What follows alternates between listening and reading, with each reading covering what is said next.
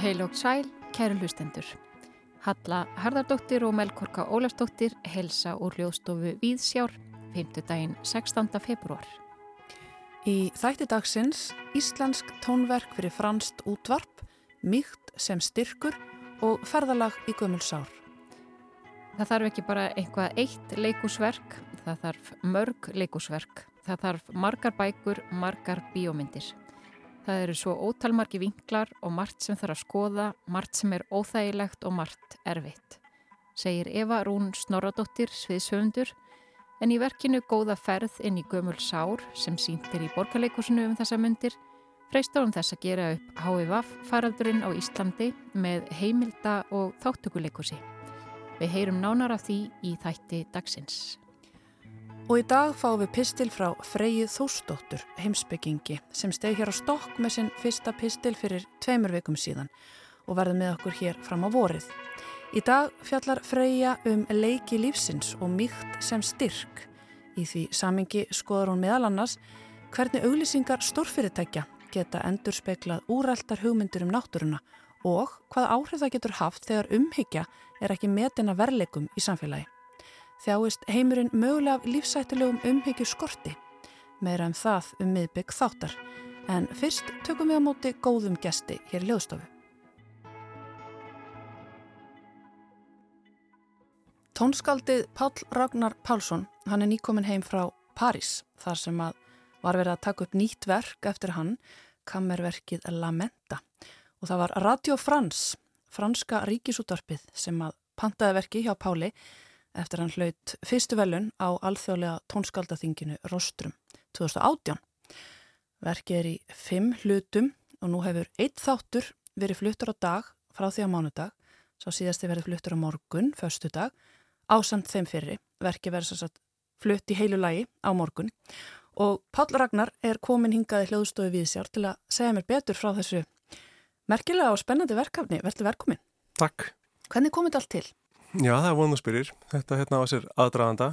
En já, eins og þú sagðir, þetta tengist ég að ég fekk þessi velun á alþjóðlega tónskáldaþinginu 2018 fyrir verkið Quake, Cello-koncertinn mm -hmm. og veluninu voru þau að það skildi vera pantað af mér verk.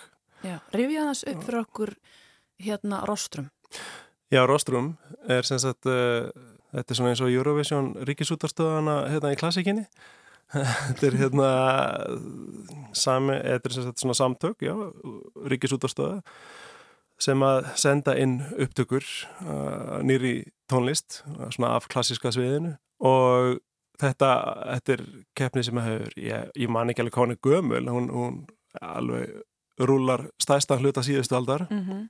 og hérna alveg ótrúlega ótrúlega nöfn hana sem að hafa unnið þarna. Mm -hmm. Þú ert fyrsti Íslandingurinn til að vinna þarna velun? Og já, ég var þarna fyrsti Íslandingurinn til að vinna ja. þetta 2018 sem var náttúrulega alveg æðislegt.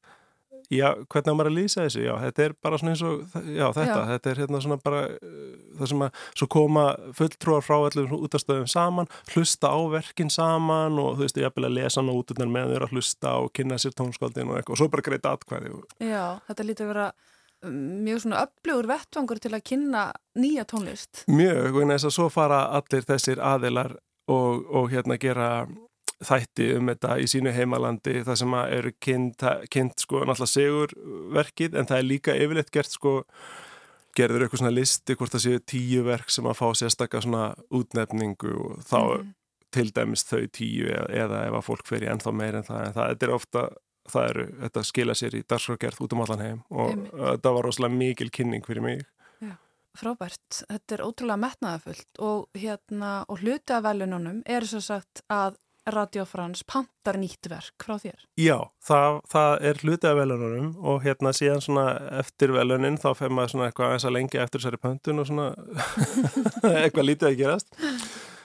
Svona eftir eitthvað svolítið svona hum og hæ þá hérna talaðu, beraðu fyrir sig, það sé eitthvað erfið tímar hjá þeim og verður fá hans að býða og svona, þetta er eitthvað svona, eitthvað svona hyggstand eitthvað. Og svona upp að því margi að ég var svona eiginlega búin að glema þessu þanga til að þau, og það, en þá allt í henni setja þessi í samband. Fyrir hvað? Hvort það sé ár eða rúmt síðan, ég manna ekki lengur. Já, alveg fjórum árum e, það er eitthvað þannig snöð jú, alveg um það bil. Og hérna, þá bara allt í hennu setja þessi í samband og rosa stöð og hérna, allir bara, já, já, herri, nú bara kílu við í gang og maður bara, ok og þetta var svolítið já, þá fór þetta bara af stað og hérna, sko, þetta var aldrei Fjækstu, þú fjækst ykkur fyrirmæli? Já, okkur að það var aldrei óveinilegt sko, svona, en kannski ekkert eitthvað svona alveg fárálegt heldur en þetta var svona uh, ekki, þetta var aldrei svona, ég fekk alveg skýra ramma. Mm. Þau vildu fá verk í fimm tveggja mínútnar hlutum. Eitt verk í fimm tveggja mínútnar hlutum. Og það skildi vera fyrir kammersveit og, svo, og þetta var rauninni þannig að þau, þau bara svona, svona komið mér í samband við hljómsveit sem heitir Ensemble Multilaterale og er, já, hljómsveit bara svona, svona nútíma tónlistarband í París bara kannski, og Kabut eru hérna. Já, ekki sem sagt eina af hljómsveitunum sem er á vegum Radio France Nei, nei, það, það var það ekki, nei. Þau eru auðvitað með sínar þar, Þau eru með sína sinfóníhljómsveit og, og, og já, þetta er mikið batteri sko, já. en nei, einhvern veginn þau hafa kannski bara einhverjar Ég veit ekki, einhver ástæði fyrir því bara en, en þetta var bara, hérna en þetta er örgulega bara hluti af því að þau eru náttúrulega líka að vinna með tónlistarsamfélaginu þetta mm -hmm. og fá fleiri inn til sín sko en heldur en að vera bara að gera allt sjálf. Mm -hmm. og uh, Þannig að þú ferði samstarf við þarna þessa hljómsveit frá París? Já, það var bara svona já, bara ymmið, þetta var svona það var svolítið svona, hvað maður segja, svona arranged marriage, eitthvað neginn, svona ekki svo vel hérna. Og hérna voða lítil samskipti en hérna mm. maður bara svona já ok, nú þarf ég bara að semja verk og ég svona ég valla svona kynst þessu fólki neitt þannig sem var alveg ómeinlegt fyrir mig sko Áður um fer, ferð út bara núna til að taka upp Já, ég meina, aðalega bara meina ég sko þegar ég byrja að semja verkið, þú veist, þá finnst mm -hmm. mér bara vennilega, veist, maður vil hitta fólk og maður vil eitthvað, bara aðeins finna eitthvað svona samræðu grundu en, en þarna var það meira bara svona panta, þú bara skilar þessu sem að, ok, bara frábært. Og hérna, ég byrja bara að semja og kláraði þetta núna bara fyrir áramót og, og fór síðan núna út í núna í janúar mm -hmm. í upptökur. Og það var alveg æðislegt, það var mikil, mikil upplifun að hérna, við vorum hérna í sögufræðum Salana, stúdíu 104 sem er, hérna, þau sagðu svona eitthvað, eh, sem þetta er sem sagt til að lýsa þessu fyrir hlustendum, þetta er sem sagt sko tónleikasalur, þau eru með tvo tónleikasali inn í byggingunni. Í Radiofrans. Í Radiofrans, mm -hmm. sko ég meina stóra, flotta tónleikasali sem eru náttúrulega líka stúdjó mm -hmm. og hérna þessi salur, það var sagt, já þetta er alveg legendary, sko hérna hafa allir spilað, þú veist, hvað var sagt Ella Fitzgerald og Miles Davis og eitthvað svona og e, rosalega góður salur, það var æðislega hljómburður og þarna var hljómsettin sérst í salnum og ég var upp í stúdíu sem var eitthvað upp á, þú veist, þriðju hæð eitthvað og við bara töluðum saman í gegnum eitthvað kallkerfi og, og, og á sjónvarskjám og, mm -hmm. og rosalega flott hljómsett, þetta var sko æft að tekið upp og klárað á einu deg Já.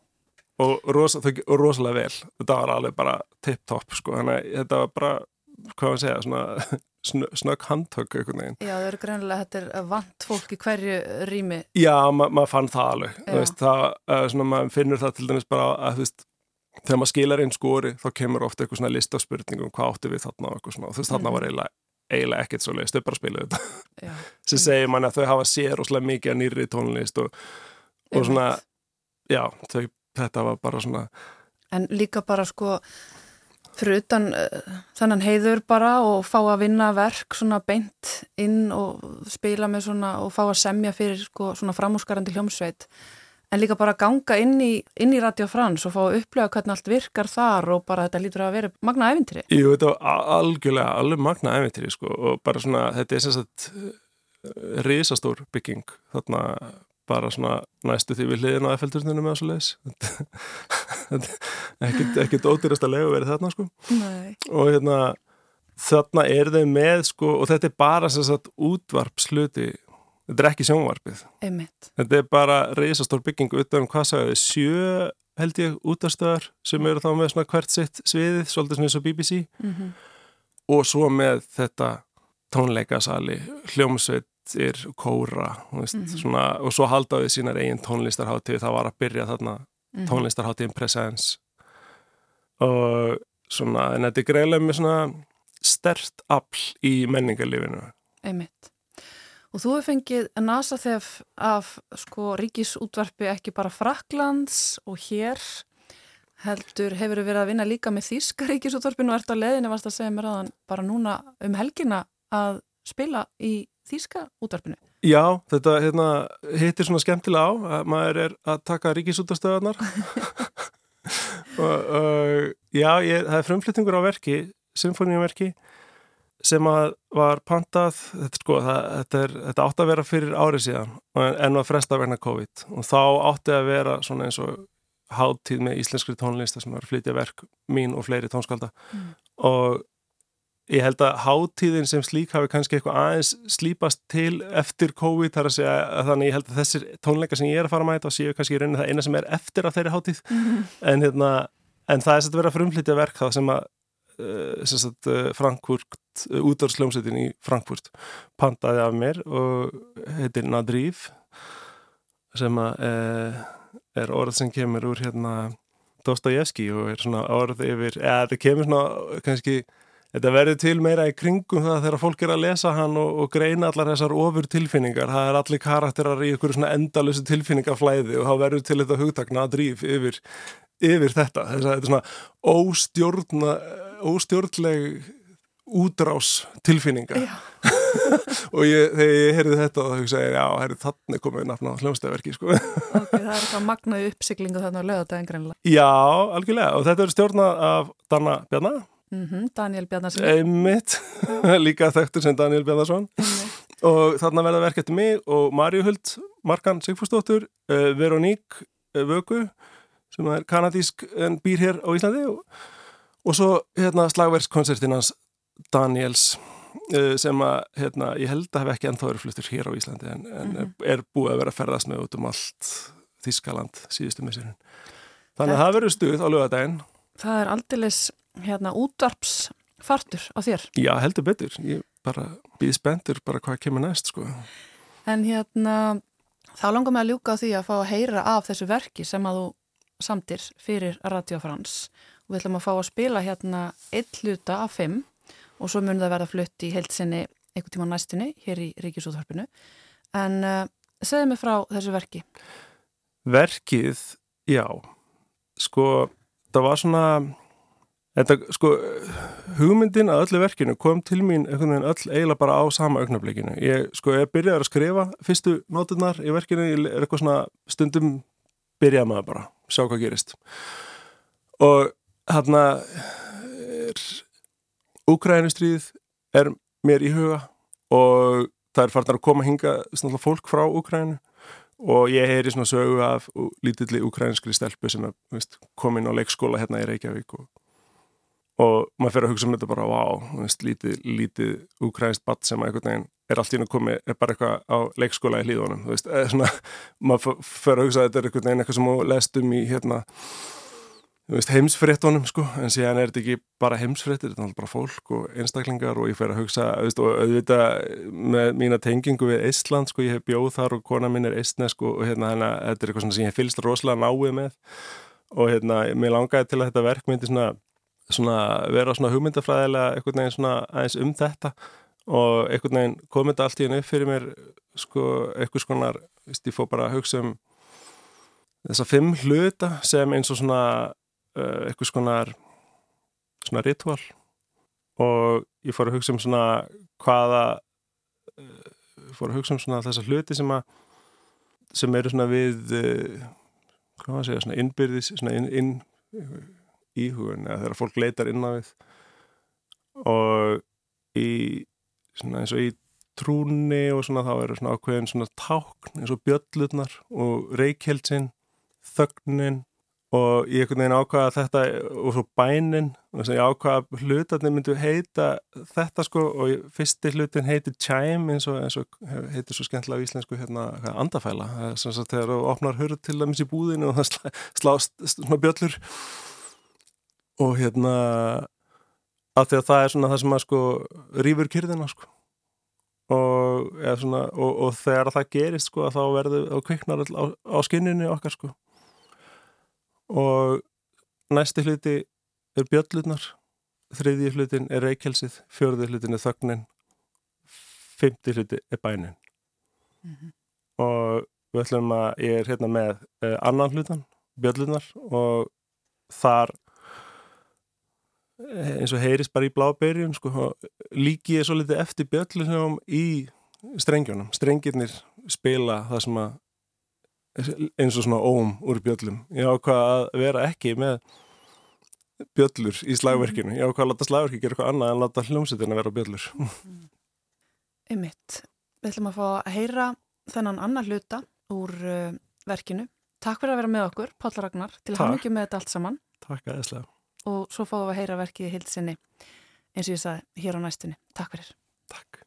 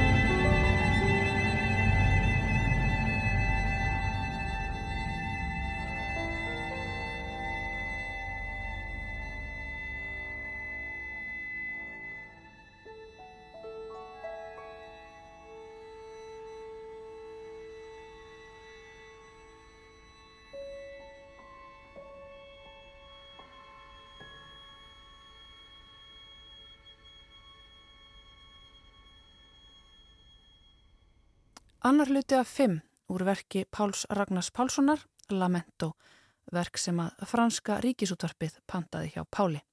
Þessi hluti verksins kallast Bells, en eins og Pál lísti fyrir okkur hér áðan, þá lætur hann strengina mynda bjöllurhljóm, en notar engar bjöllur.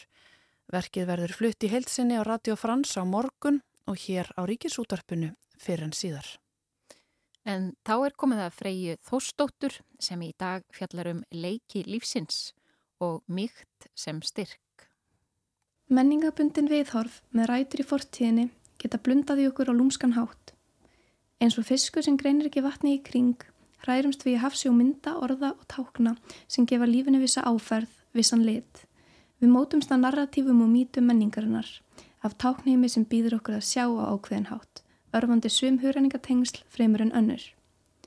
Hugmyndin um afkomi hinn að hæfustu, óháð uppaflæri merkingu hennar, veku til dæmi skerðnan hughrif um baróttu ólíkra lífvera í frumskóginum. Um horn að slást í horn, klærað sökku í hold, dýra drottnu við dýri. Að googla survival of the fittest endur speklar þetta. Á einni mynd byrtist fiskur sem er við að gleipa smerri fisk. Á annari byrtist stórt kattardýr sem er hálsbreytt frá því að fanga antilópu.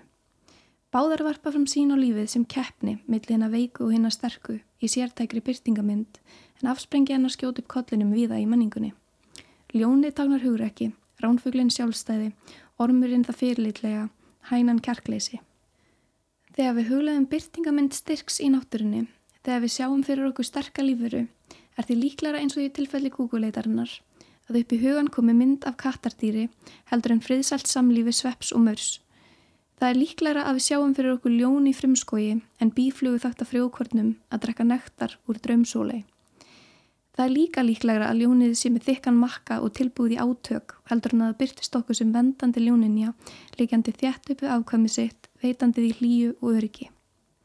Slíkar myndir af samhjálp og umhyggju eru samt líka dæmi um hæfni lífuru til að lifa af.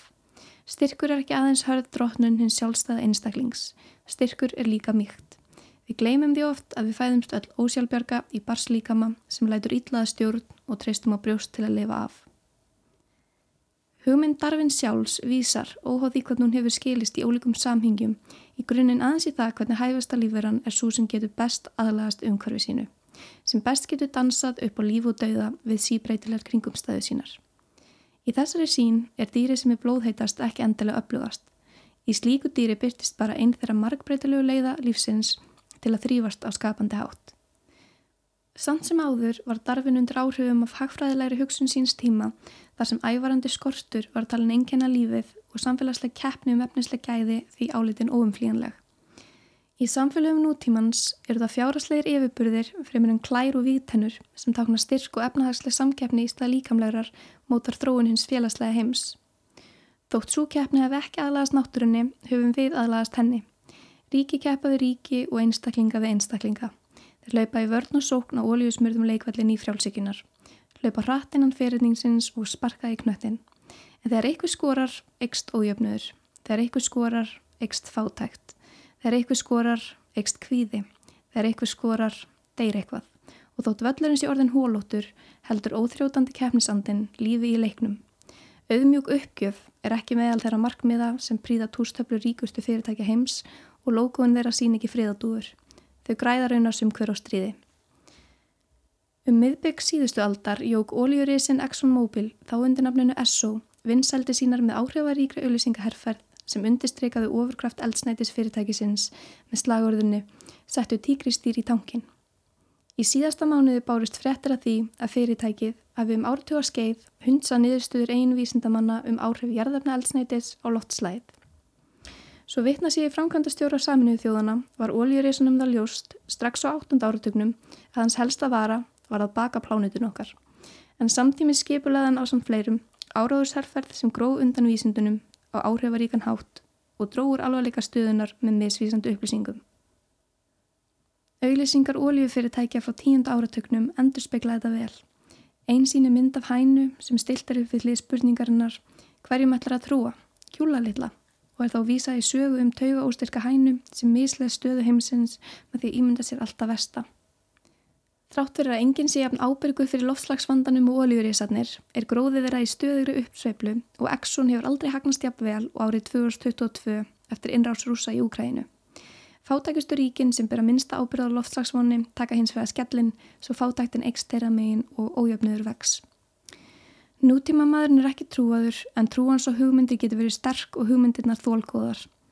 Þóttar séu ekki lifandi, þóttar hafa ekki hjartslátt eða rætri í jörðinni, stundar sleitulösa sjálfsafritun á leiks við hugans og viðhalda þannig gömlum handritum ofta á kostnað lífsins. Samtímis, djúft undir sviðinu og allt í kring, leitast þið raunverulega líf við að dreifa úr sér og þróast í síflóknari vefnaði lifandi tengsla. Lífið byggir á samvinnu Það er búið til úr líffærum, gerðum úr vefjum, gerðum úr frumum, gerðum úr einingum og tengslum sem verða fingerðari eftir því sem dýbra er farið. Áðurinn mannslíkami getur byrjað að leika, farið í keppni eða stríð, þar var hann fyrst að púslast saman úr frumum sem eru saman í liði. Þar var hann fyrst að myndast við samruna sæðisfrum og eggs, vaksa í öðrum líkama sem nærir hann gældlaust og lenda í traustum höndum sem ber hann áfram. Frá fyrsta degi treysta alla lífurur á félagslega tengingu til að dapna. Þannig hafa brotin tengsli uppeldi barna neikvæð áhrif á þróska heilans með þeim afleðingum að líkur aukast á þunglindi, kvíða og neysluvanda í framtíðinni. Áhrifamáttur umhyggju blasir samt ekki alltaf við innan samfélags sem verðlegur hann að látt eða ekki, samtímis og virði er metið út frá peningum og þeirri félagslegu stöðu sem fylgir. Ástrykir uppalendur fá engin viðukenningarskjöl fyrir gott starf og heilbriði starfsfólk brennur út innan kerfis sem er brotið. Hvetindla annars lífið er stundum bæld niður fremur en örfiðinnan menningar sem metu hvorki hana nýja þau störf sem í hefðbundum skilningi teljast kvenleg sem mikilsverð. Afleggingarnar eru þær að heimurinn þjáist af lífsættilum umhyggjuskorti sem helst í hendur við ójöfnuð. En jafnvel sá sem segrar í keppninu um efnislegu gæðin verðist oft ströggla. Bæði fátækt og efnislega ofgnótt getur auki kvíða og haft neikvæð áhrif og félagslega tengsl almennt. Bæði börn sem alast uppið of lítið og of mikið eru líklegar en aðrir til að þróa með sér kvíða og fíknu vanda síðar á lífsleðinni. Í báðum tilfellum getur myndast óryggi af ólíkum toga. Það manneska sem á meirinn flestir trúir að fjárastæðinar endur spekli virðan og styrk getur hún týnt sér í sívarandi innri skorti sem knýr síðan ytri skort annara. Þegar fólk framar í lífskeiðakaplaupinu lítur niður á þá sem eru aftar, jafnvel á slæmum stað, jafnvel með sínilegan fíknumvanda, þá íhverða það ekki endilega að það sjálft hafi þörf fyrir eitthvað, sé fíkið í eitthvað, hafi ekki stjórn á einhverju sem stuðlar í stóra saminginu að erfiðleikum þeirra einstaklinga sem það dæmir. Fíkn í peninga eða annað getur vakið að vesta í okkur og hún drýfst besta sem tengsl og öryggi skortir. Kanski er því best að við dæmum hvort annað sem minnst, að við reynum að sjá börnin undir búningunum, að við ruggum hvort öðru varlega í huganum og gefum hvort öðru brjóst svo við getum dapnað vel og þróskast eðlilega. Við lifum í það minnsta á tímum sem undirstryka að samkjöndarskortur er ekki styrkur, að spórin sem mynda hólur í grunn samfélag okkar og gerðarinnar eru veik og leiða ekki til framtíðar. Að keppninum peningana stuðlar ekki að afkomin eins, ekki ríkamannsins, ekki þess fátæka, ekki ljónsins, ekki bíflugunar. Svo lífvera sem dansar best við síbreytilegar kringumstæðu sínar er svo lífvera sem helst kemst af en bara ef þær eru náttúrulegar. Því það er jörðin en ekki forstjóri fyrirtækis eða ráðherra í ríkistjórn sem dæmir um framistöðuna. Ef lífvera gleymir náttúrunni, ef hún aðlagast ein leik, ein sviðismynd, klætti ljónabúning, forðandi blóði fyrir glæsliustu leikmunina, þá er hún ekki lengur í raunverulegur lífsbaróttu. Við þannig kringumstæður er eini sterkir leikurinn að skilja sig frá handritinu og búningunum, spýta út gerfi vígtönunum, slíta af sér veiðihárin og líta berskjöldu í kringum sig. Skoða baku tjöldin, skoða moldina undir leiksviðinu, finna mýkt einn húðar undir gerfinu. Ljónið er lífræðilega tilneitt til þess að ræna lífum og merkja sér svæði því öðruvísi besta ekki fyrir lífi sínu og afkvæma sinna. Ránlífi þess endurspeglar, ólíkt okkar, náttúrutreyð og skinnbræð á virði lífsins. Með því að bregða okkur í hlutverk stóra kattardýrsins þegar það var okkur ekki náttúrulegt, nöguðum við óvart gata á sjálfan lífsvefin með þeim afleðingum að rámdýrin sem taka þátt í að viðhalda heilbriðans á samt öðrum verum ströggla við að lifa af. Reynum því næst, í næsta handriti, næsta leik, að vera minna eins og ljón og tíkristýr og meira eins og mjúkubleiku verunar sem ástunda alkemíu í moldinni.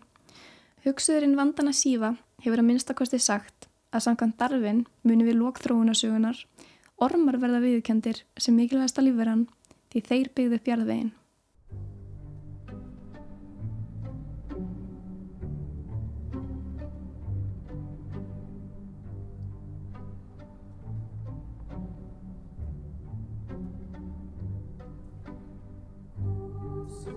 sky.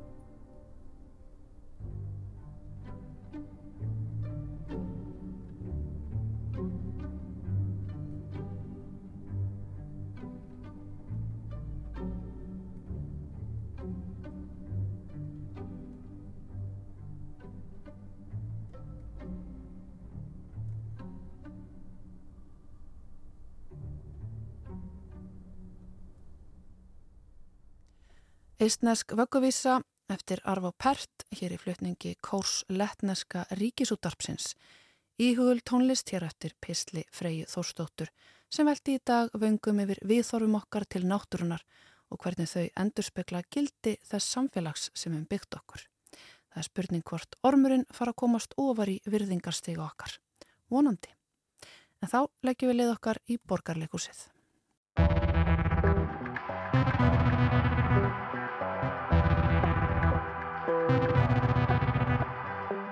Góða ferð inn í gömul sár. Ég var hún Snoradóttir. Mér varst ástæði til þess að hitta þig og fá að heyra meira um þetta merkilega verk. Þú varst leikskáld borgarleikusins á síðast ári og góða ferð er heimildaleikus og upplifunarleikus. Er þetta form sem höfðar sérstaklega til þín? Já, ég hef bara alltaf unnið svona síningar. Mér finnst leikusið bjóða upp á svo mikinn kraft fyrir svona nándar upplifanir að ég bara vinn, það fer bara alltaf í þessar áttir að tengja fólkið áhörfunduna sjálfa og mér finnst svo spennandi að vinna með að alltaf hluti af efnivinnum er bara, þú veist, virt eh, bakgrunnur og aðkoma áhörfunda sem að er náttúrulega alltaf í öllum síningum en, en í þessum verkum er hann svona fær meira vægi. Já, maður fjekkaði mitt á tilfinninguna að því að fyrstu hluti verksins er í rauninni hljóðverk sem að áhórundin upplifir heima hjá sér og kemur sér fyrir og hlustar á í sínu eigin umhverfi og þar er einhvern veginn erfiðara að aðskilja sjálfan sig frá kannski listaverkinu. Það er speilin ennþá skýrari. Var það meðvitað? Já, mér finnst alltaf bara mín í rauninni svona spurning er alltaf hvernig er hægt að fá áhörhundan lengra inn og stundum hef ég gert það með tímarama. Áhörhundin er í e, heilan sólarring í verkinu eða er sex vikur í verkinu sem að kemur og fer. En þarna er þetta svona bara hvernig er hægt, þetta er náttúrulega mjög nærgöngult efni og mér fannst bara strax eins og ef maður ætlar að fjalla um þetta af einhverju svona dýft þá þyrsti fólk bara, þyrsti áhörfundur svona næði bara svona örugt rými til að upplifa þetta. Og mér fannst þetta mjög gott efni í svona speglanir á eigin tilveru og þetta fjallar um náttúrulega svo mikla svona fordóma og hvað eru fordómar, fordómar eru oft bara inn í manni sjálfum líka og til að fjalla um þá á einhverju svona dýft þá þarf líka örugt rými hann mér fannst þetta einhvern veginn bara svo gott tækifæri til að taka leikúsið inn í bara svona þín innstu við einhvern veginn bara heimilið þitt. Ummitt, umfjöllunar efnið er HIV faraldurinn sem er gekk yfir á nýjönda og tíunda áratögnum. Það var heilmikil heimildavinna á bakvið, maður fann það, þú veist búin að tala við hellingafólki, aðstandendur, fólk sem hjókraði, þeim sem að urðu veikir og hýmsum sem að hafa spáðið þessu síðan eða upplýðið þetta á einhvern hátt á sínum tíma. Hvað var til þess að þú heldið þér út í þetta efni? Já, það var, uh, þetta byrjaði á frumsýningunni á pláunni þættinum í svona fólk og þar, það var bara svo ótrúlega mögnuð stund að það var hann að panel með fólkinu sem kom að þessu svona nokkrum og það var verið að ræða þetta og einhvern veginn það var svo, það var svo mikið tenging og samkend og bara eitthvað svona göldrótt stund, það sem var bara svolítið bara, já, nú er verið að opna fyrir þetta og mér fannst bara bæði magna hvað ég vissi lítið um þetta og mér langaði að lesa allt um þetta, hlusta og setja þetta í samhengi og líka bara af hverju vissi ég svona lítið um þetta? Veist, þetta er saga hins einn fólks. Og já, eftir það þá bara var það ekki aftur snúið einhvern veginn. Og gafstu svara þessari spurningu, af hverju vitum við svona lítið um þetta? Já, ég held að það sé svona nokkri þættir. Uh, þetta er sko sárin eru það svona djúb að ég held að mörguleiti hefur fólki sem að varð fyrir svo miklum áföllum kannski ekki verið tilbúið til þess að opna inn á þetta. Og líka að, að samfélagið hefur ekki verið veist, tilbúið að hlusta og samfélagið hefur, þessu var ekki tekið sem einhvern veginn samfélagstráma þó það hafi verið það. Og þannig að það, það var ekkert, ekkert viðbrað, það var ekki, ekki, engin eftirfylgni eftir þetta. Og svo hafa kannski líka bara einhverjir, einhverjir finnst óþægilegt og einhvern veginn reynda svona, það hefur ekki verið svona kvartning til þess að gera þetta upp því að fólk hefur bara ekki verið tilbúið og þá meina ég líka sko stjórnvöld og hinn er ofinberu aðilar.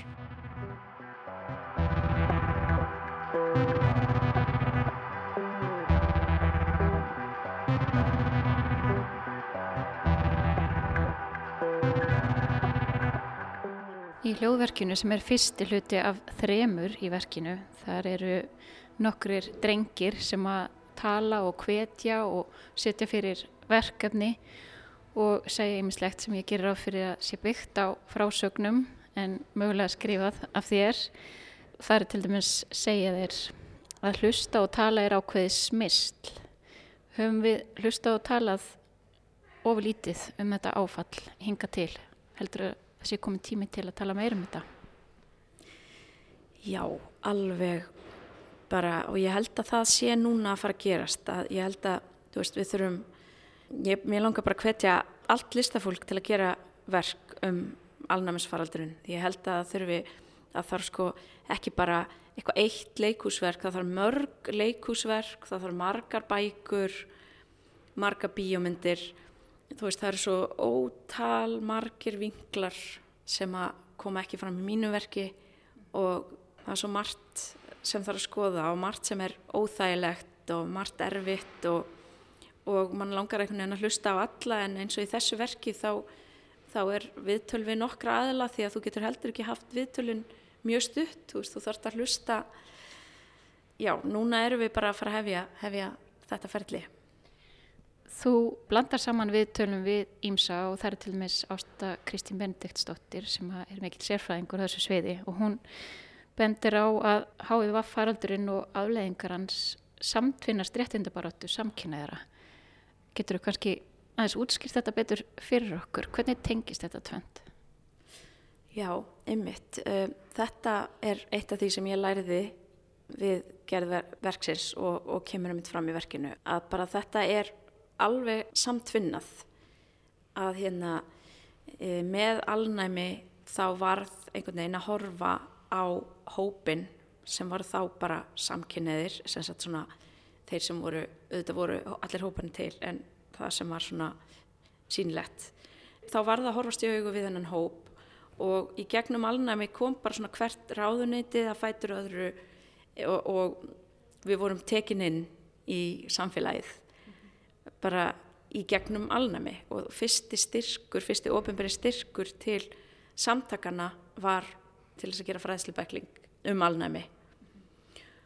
En svo, þú talar til dæmis við ferðaheimsækir HVF Ísland og þá er þessi upplifun kannski ekki alveg, þú veist, fólki þar upplifur bara að það hafi svolítið verið skilið eftir. Þannig að þetta er, allt við þetta eru bara narratífur og ég var mjög meðvitið um það að ég er bara að setja saman einhverju narratífu. Og ég er hérna einhver færtur lesbija með verk sem að er, þú veist, ljóðverki er bara klukkutími. Og svo er hitt sem er svona, þú veist, kaplið tvö eftir það sem er svona einhver ákveðin svona tengingin í samtíman sem ég fannst alveg nöðsilega einhvern veginn strax og ég byrjaði að vinna þetta. En þetta er þannig verk að það getur einhver annar, annan gert klukkutíma sem er allt, allt öðruvísi og þúsund þannig og þess vegna þurfum við mjög mörg, mjög mörg verk um þetta.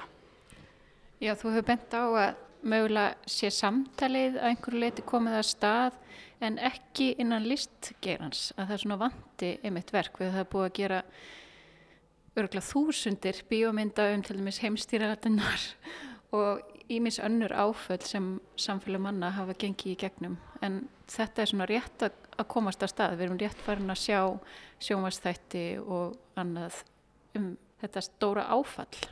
Já, ég held það var sett verk upp hérna, nú mann ekki hvað heitir alveg fyrir áratögum um, um þetta og núna eru einmitt, veist, það hafa náttúrulega verið gerða bíómyndir og núna er hann á rúf sarpinum alveg, alveg frábær þáttaserja en ég held bara, bara hérna heima væri svo frábært að fá, fá fleiri verk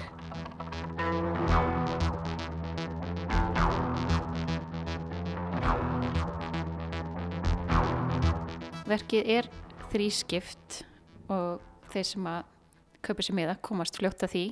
Fyrsti hlutin er semst hljóðverk og í miðjunni er einhvers konar fundur eða móttaka og svo er gengið inn á klubb. Er einhver svona hugsun á bakvið þessa þrískiptingu?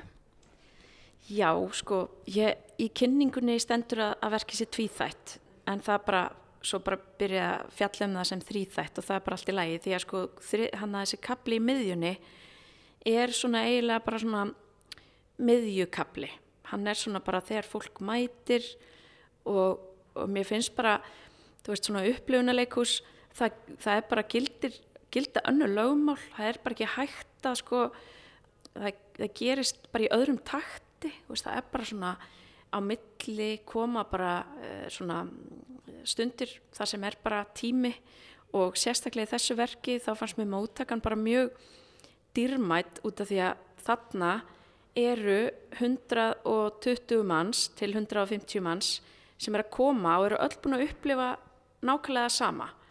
Og þetta sem þeir eru búin að upplifa er ekkit bara eitthvað, þú veist, það er bara eitthvað sem þarf bara að fá vægi og fólk kemur þarna.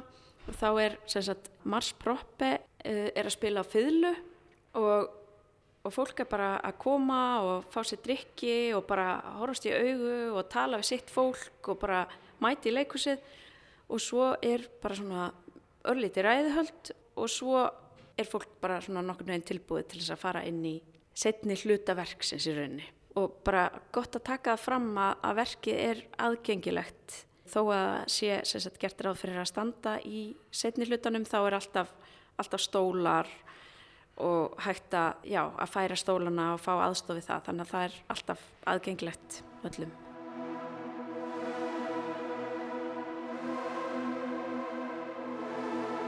Fyrsti hlutin er bara heimildaverk um alnæmisfaraldurinn og það eru svona vissir þræðir í fyrir hlutanum sem að einhvern veginn tengja yfir í setni hlutan og setni hlutin er bara hugsaður sem ég, við erum að heiðra styrkin sem að menninir sem að letist úr alnæmi síndu og færa bara þetta eins og við vorum að tala um áðan bara hvernig, hvernig undirbúum við okkur sem manneskjur fyrir ef að eitthvað slikt myndi koma, koma fyrir aftur, hvernig manneskjur viljum við vera, það þarf að tengja þetta í samtíman.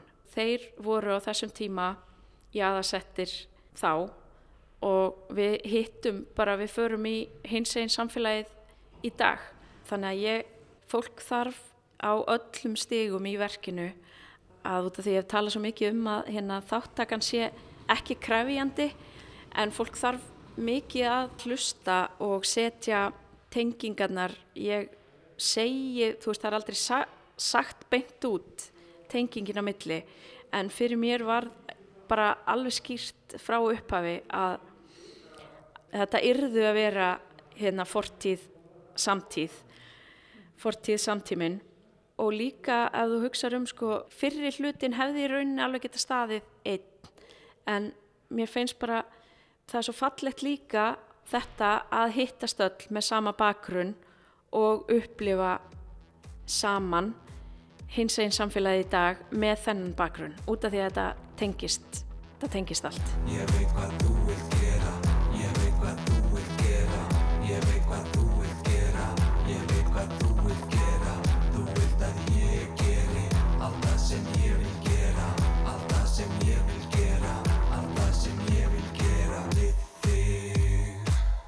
Þau sem genguð gegnum þetta þau sem vektust eða jáfnvel létust eða voru aðstendendur þau upplöfu mjög mikla fordóma og það var náttúrulega mikil óvisa í kringum þetta og takmarkar upplýsingar og einangrun en það sem kannski enginnita var skortur á samúð. Að það er svona eins og þessi veikindi væri ekki viðkjönd sem eitthvað sem að fólk ætti skili samóð fyrir. Og við vitum held ég öll í dag að það fylgdi þessu skömm fyrir þá sem gengur gegnum það en höfum við sem samfélag eigum við eftir að gera upp okkar skömm fyrir það hvernig við kannski brúðumst á þessum tíma?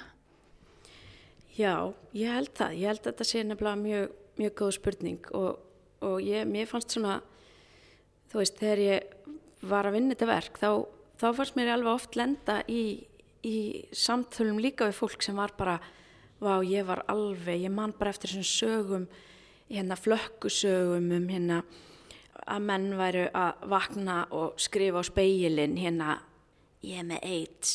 Og þú veist kannski fólk sem að man eftir að hafa verið að dreifa þessum sögum eða, eða bara hérna upplifa allt í hennu núna þú veist bara hvaða var, síndi þessu kannski ekki þann skilning eða var ekki að sækja sér fróðleiks eða já ég held að það sé alveg skömm í mörgum sko.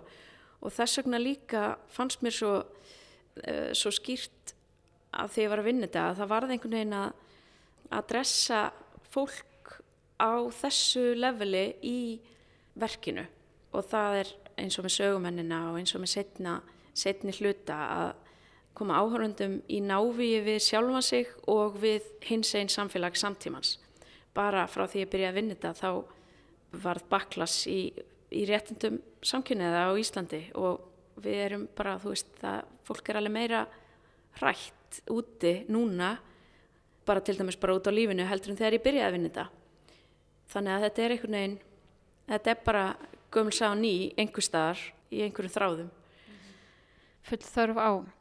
En í verkinu þá er einmitt þessi kvartning sko, þú reynir að ná til áhörundans og fá áhorfandan til þess að horfast í auði sjálfum sig og kannski sinn eigin óta eða, eða blekkingar sem við búum okkur til í einhverjum óta höfum allar, allar þessi tilneyingar til dæmis bara í fyrsta hlutan með hljóðverkinu þá er við beðin um að horfa í speil og horfa í augun og sjálfum okkur. Er, snýst þetta kannski á endanum allt um það að vera óhrætt við að horfa á hlutina eins og þeir eru og leifa hverju öðru að gera það ég held það sé bara nákvæmlega það, þú veist, þetta bara, það snýst svo mikið um bara hugreiki, hugreiki til að, til að mæta hlutum sem eru óþægilegir, hvort sem það er úti í samfélaginu eða í sjálfum þér, hugreiki, einhvern veginn til að vera stærri, bara stígin í óttan og þú veist, fordómar koma oft frá fólki sem að er með eitthvað eitthvað læst inn í sér líka. Þú veist þá sé ekki alltaf þannig en, en það er bara já ég held að bara að reyna að sprengja einhvern veginn á svona með mjúkum hætti einhverja svona einhverja bólur og hvetja til hugrekkis og samkjandar og tengingar sé bara leiðin þessu